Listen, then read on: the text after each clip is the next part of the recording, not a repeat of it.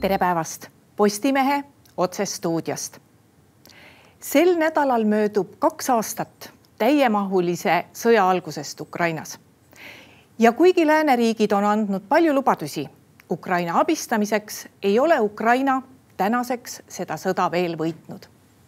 meil on stuudios välisministeeriumi kantsler Jonatan Vsevjov, tere päevast. tere päevast kas me peame täna kurbusega nentima, et lääneriigid on Ukraina abistamisel läbi kukkunud? ei pea ja kurvastada pole üldse mõtet.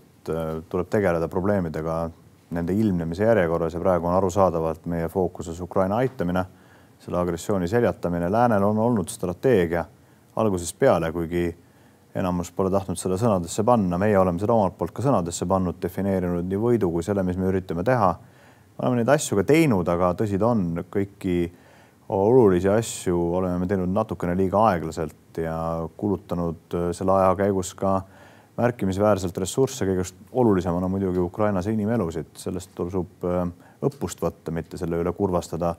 nüüd tuleb tegutseda lihtsalt kiiremini, samas suunas, kiiremini Ukraina aitamisel sõjaliselt, kiiremini ülesehituse käivitamisega kiiremini ja otsustavamalt Venemaa vastaste sanktsioonidega, kiiremini ja otsustavamalt Venemaa külmutatud varade kasutuselevõtuga, kõige sellega, mis on olnud meie poliitika seni ja ma arvan, et äh, nii edasi liikudes äh, on lõpuks ka neile selge, kes Kremlis otsuseid teevad, et aeg nende kasuks selles sõjas kindlasti ei tööta no kõik muidugi oleneb sellest, et kui laias perspektiivis me seda Ukraina abistamist vaatame, et kui me vaatame reaktsioone, mis järgnesid kahe tuhande neljateistkümnendale aastale, no siis on läänemaailm ju kõvasti edasi arenenud äh, selles Vene vastases nii-öelda kas, kasvõi sõnavõttudes, sest tookord ei reageeritud ju peaaegu üldse. No reageeriti vähem, kui oleks pidanud ja no seda kõike saab veel tulevikus analüüsida ja mitte ainult äh, kaks tuhat neliteist, juba enne oli ju näha, et Äh, kurss, millel Vladimir Putin äh, seilab, on meie huvidega otseses vastuolus. juba tegelikult kaks tuhat seitse me nägime siinsamas Eestis küberrünnakute näol või kaks tuhat kaheksa Gruusias, kaks tuhat neliteist Krimm ja Donbassi sõda. nüüd siis kaks tuhat kakskümmend kaks alanud laiaulatuslik agressioon, need kõik on ühe sama loo erinevad peatükid, üks sama eesmärk ja me näeme täna, et oma eesmärke pole Putin ka praegu muutnud tõsi, ta eeldas, et ähm, kaks tuhat kakskümmend kaks läheb sama libedalt kui kaks tuhat neliteist, et lääs mõistab hukka ja siis äh, pakib ennast üsna kiiresti kokku ja aktsepteerib uut reaalsust, ehk isegi hakkab temaga läbi rääkima mitte Ukraina üle, vaid äh, terve Euroopa üle. Seda muidugi ei juhtunud, sellega me üllatasime teda, üllatasid ka ukrainlased oma visa vastupanuga. nüüd on talle alles jäänud seesama ennistki minu poolt viidatud aeg töötab tema kasuks argument, mida autokraadid on ikka uskunud, et küll demokraatiatest tulevad valimised, tulevad valimiskampaaniad, nad minetavad oma fookuse, ei suuda püsida ühtsena ja siis toimub mingisugune kollaps. me peame selle argumendi nüüd seljatama, leidma mooduse, kuidas rakendada selliseid poliitikaid, mis juba iseenesestki kommunikeeriksid meie püsivust, pikaajalist püsivust ja ma arvan, et üksjagu asju on meil ka töös, et seda, et seda saavutada kui me selle aeg töötab tema kasuks argumendi suudame veenvalt ümber lükata, näidata, et pikas perspektiivis töötab aeg just demokraatiate, mitte autokraatiate kasuks, küll siis jõuavad nad ka järeldusele, et see valitud kurss on perspektiivitu ja oma eesmärke nõnda nad kuidagi ei saavuta ja siis vahetavad kurssi. Sest meie eesmärgid ei ole ju laiaulatuslikud, meie eesmärgid ei puuduta midagi enamat kui Venemaa tagasiminemist Venemaale. ei midagi rohkemat, aga ei midagi vähemat ka. Kui paljusid kolleege teie kohtumistel eh, peate täna veel veenma eh, selles, mis te praegu välja ütlesite, et nüüd on väga kiire, sest viimased arengud Ukrainas ju näitavad seda, et oodata ei ole midagi, laskemoon on otsas seal.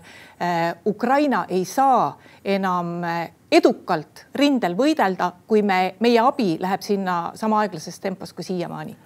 et enam eriti ei pea, ma arvan, et Euroopas on sellest aru saadud on aru saadud nii sellest, mida Putini eesmärgid endast kujutavad Ukraina jaoks, aga ka meie endi jaoks, aga on ka aru saadud sellest, mida me nüüd tegema peame.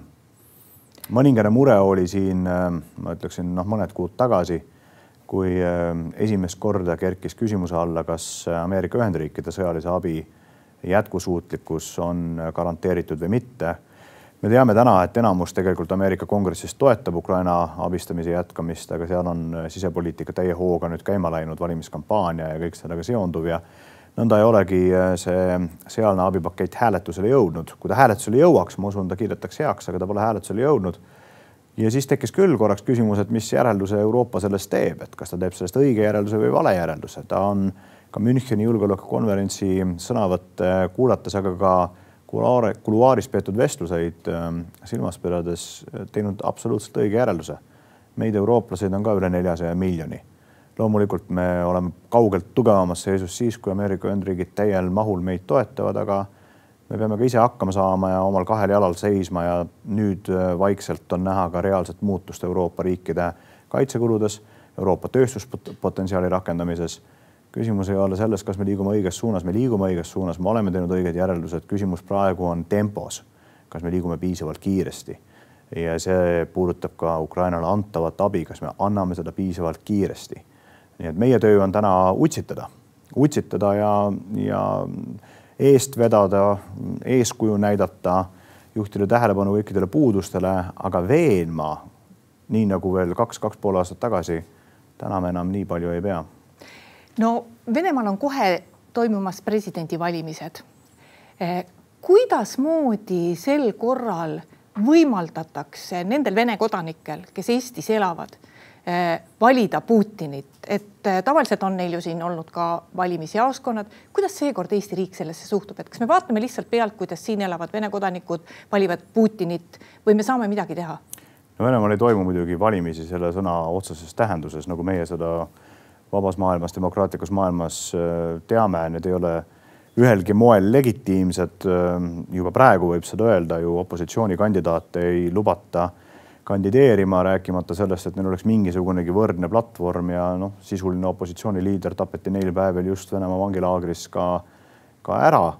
nii et mitte ühegi sõna või teoga meie ei anna legitiimsust sellele protsessile, mida nemad valimisteks nimetavad, need ei ole valimised selle sõna otseses tähenduses ja samas muidugi see, mis toimub Venemaa territooriumil, ei ole meie kontrolli all ja sealhulgas ka saatkonna territooriumil tegutsetav, äh, me sellesse kuidagi midagi äh, vahele segada ei saa.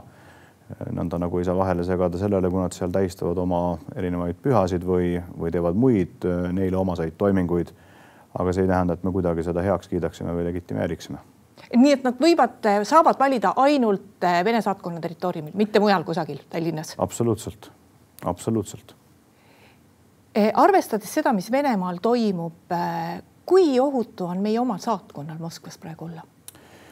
no eks Moskva ei ole kindlasti lihtne lähetuse koht meie diplomaatidele, aga meie diplomaadid on harjunud sellega, et eh, mitte iga lähetus ei, ei vii neid liitlase pealinna, meil on teisigi keerulisi kohti ja kõige keerulisem on loomulikult praegu meie diplomaatidel Kiievis, mille pihta lastakse endiselt rakette, mis sunnivad ka meie diplomaadid keldritesse varjuma, sest äh, rakett ei tunne diplomaatilist puutumatust. Ehm, nii et äh, diplomaadid on sellega harjunud. Moskvas on muidugi pinev ja mitte sellepärast, et oleks niivõrd füüsilisi riske, vaid äh, see üldine õhkkond ja õhustik on pinev.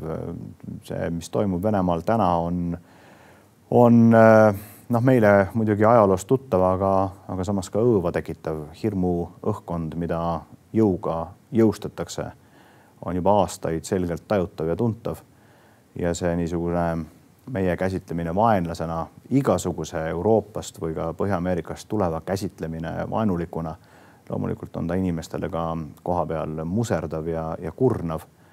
aga meie diplomaadid õnneks on äh, siinsamas, ses mõttes nad saavad kerge vaevaga tulla, käia kodus äh, puhkamas.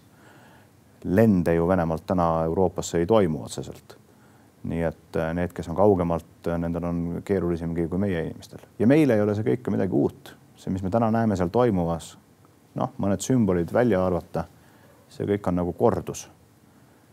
aga ei õnnestunud see Nõukogude projekt, ei õnnestu ka see praegune.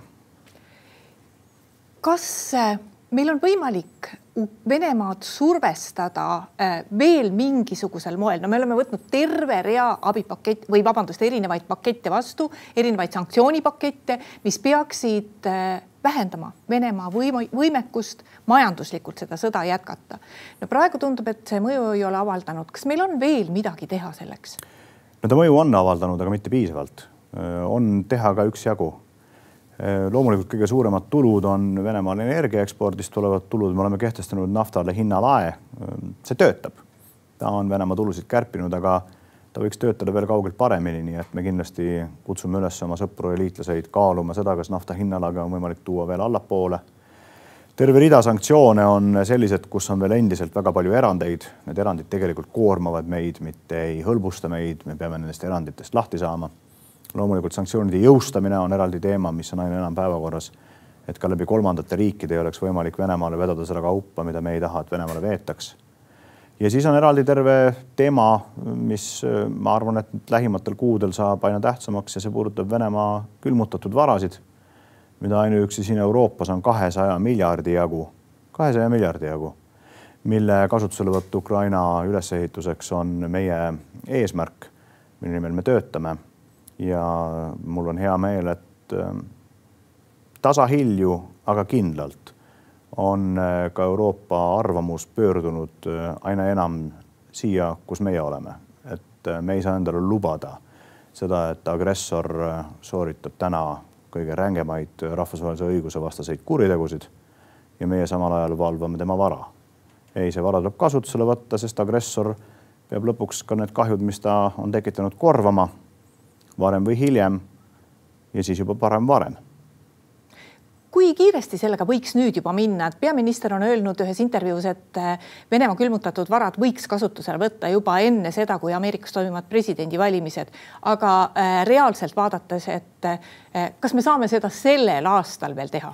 kuna ta on nii keeruline küsimus ja ta tõesti on keeruline ka õiguslikult, siis ma arvan, et me ei tee teda mitte ühe ropsuga, vaid sammhaaval. ja esimene samm on tegelikult juba astutud, Euroopa Liit on otsustanud, et nendelt varadelt teenitud erakordne kasum kantakse eraldi kontole, noh, see on esimene niisugune väga väike samm, aga aga selge on, kuhu suunda see samm on, see on otse kui püss, mis esimese vaatuse lõpus on laval, aga viimase vaatuse lõpuks ta kindlasti ka pauku teeb. veel me neid varasid, mis on eraldi kontole kantud, kasutada ei saa, sellist otsust veel ei ole, aga ma arvan, me liigume sinna suunda ja nõnda sammhaaval kõigepealt tegeledes nende kasumitega ja siis lõpuks tegeledes ka nende varade endiga, erinevaid ideid on välja pakutud oluline on siin, et me teeksime ka G7 riikidega koostööd, sest ähm, lõppeks on meie jõud äh, meie ühtsuses. Euroopa Liit ise on päris võimas. aga kui meiega koos tegutsevad britid, ameeriklased, kanadalased ja jaapanlased, siis äh, noh, ei ole eriti maailmas kohta, kuhu varjuda, kui me kõik ühiselt äh, oma sammu astume. paljuski on see debatt praegu ekspertide tasandil, aga meie arvates tuleb see debatt tõsta ka avalikkuse ette et äh, meie rahvas ise saaks paremini ennast kurssi viia sellega, mis on plussid, mis on miinused. ja mul ei ole kahtlust, et kui neid plusse ja miinuseid lõpuks kaalutakse, siis jõutakse järeldusele, et plussid kaaluvad miinused üle. nii et äh, täna me püüame just Euroopas seda debatti võimalikult avatult pidada. no meil ei ole raske oma liitlastele selgitada, et Venemaa on agressor, õigupärast ei peagi seda tegema. aga kui me vaatame nüüd kogu maailmas selle kahe aasta jooksul, kuidas on suhtumised Venemaasse ja kas üldse on paljudes nendes riikides, mis tunnevad ennast Venemaa sõpradena, no kasvõi näiteks Aafrika riikides, et kas üldse mingi nihe on toimunud, kui ollakse nendel foorumitel, kus kogu maailm on koos, et et äh, mõnedki riigid, kes olid enne Venemaa sõbrad, enam ei ole, sest praegu Aafrikas on ju teada, et seal on suur Venemaa mõju, seal on ka väga suur Hiina mõju. teate, see kõlab võib-olla kalgilt, aga rahvusvahelistes suhetes väga sõpru ei ole. riigid äh, lähtuvad oma huvidest, oma eesmärkidest, noh, võib ka öelda laiemalt oma väärtustest ja vaatavad maailmas toimuvat ikka eranditult oma mätta otsast, oma prillidega. sellisena, nagu maailm neile paistab sada nelikümmend pluss riiki ÜRO Peaassambleel on hääletanud resolutsiooni poolt, millega Venemaa tegevus nimetatakse agressiooniks, nii et siin ei ole mingit küsimust, ega sellest keegi ei taandu. aga rahvusvahelisel areenil on kord nõnda, et see, mis me ütleme, ei ole niivõrd oluline, isegi see, mis me teeme, pole niivõrd oluline, loeb tulemus, mille me saavutame. ja täna maailm näeb, et seda tulemust ei ole veel saavutatud. see sõda veel kestab. sõda veel kestab ja ei ole kusagilt Aafrikast või Ladina-Ameerikast vaadatuna üldse kindel, kas äh, lääs suudab siis lõpuks ennast kehtestada või mitte. nii et meie soovitus kõigile oma sõpradele, liitlastele Euroopas ja Põhja-Ameerikas on olnud äh, just nimelt seetõttu, et kahekümne esimene sajand on sedavõrd väljakutset rohke meile kõigile, demokraatiatele. just nimelt seetõttu võimalikult kiiresti Ukrainas tõestada, et agressioon läbi ei lähe ja et lääne sõnal on ka tegelikult kaal. Aga lõpuks selle tulemuse järgi, mis me siin saavutame, maailm joondub, sellest tehakse järeldusi ja kui äh, mõistetakse, et äh, aeg töötab siiski meie kasuks ja et äh, meil on püsivust, küll siis tuleb see maailm ka oma arvamusega meile toeks, nõnda nagu ta oli päris selle agressiooni alguses. kui palju meile seda ajareservi võiks olla veel jäänud? Et kui palju eh, ka Euroopa suudab seda taluda, et sõda nii-öelda kestab. sest selge on see, et ühel hetkel võib hakata siseriiklikult tulemas ka Euroopa Liidu eh, riikidest nõudmisi, et eh, tuleb leida mingisugune kokkulepe ja see kokkulepe ei pruugi Ukrainale olla kasulik. kui palju me saame nagu praegu veel lasta sõjal kesta? no meie sõnum on siin äh, urgentsust alla jooniv iga päev, mis see sõda kestab, on päev liiga kaua. ja see, et ta nüüd kaks aastat kestnud, on juba liiga kaua. ja see ei ole mitte lihtsalt teoreetiline tõdemus, see kõik on mõõdetav ju inimeludes. ja mitte pelgalt sõdurite eludes, vaid ka tsiviilinimeste eludes. nii et ei, meil ei ole aega, me ei saa endale lubada selle sõja kestmist. Mm, nüüd küsimus ongi, kas me ennast piisava kiirusega mobiliseerime piisava kiirusega Ukrainat toetame, piisava kiirusega ka hoiame neid protsesse, mis Ukraina lõpuks NATO-sse ja Euroopa Liitu toovad, hoiame ka neid protsesse liikumises, mitte lihtsalt staatiliselt loosungitena kusagil mingites dokumentides, mida ausalt öeldes keegi enam ei loe. Nendes on küsimus või selles on küsimus ja, ja ma arvan, et meie oleme küll siin selle kiirustajate, kiirustajate grupi eesotsas.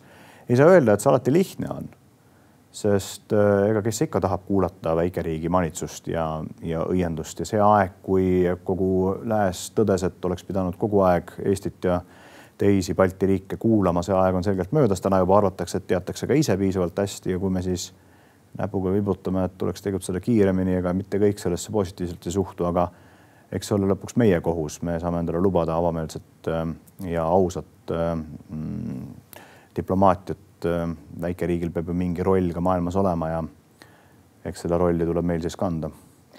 no piisavalt palju on väljaütlemisi, et kui Venemaa ei saa peatatud, siis ta ründab edasi ja järgmisena võib ta rünnata Balti riike ehk siis järgmisena võib ta rünnata meid. Äh, kas me peame seda kartma?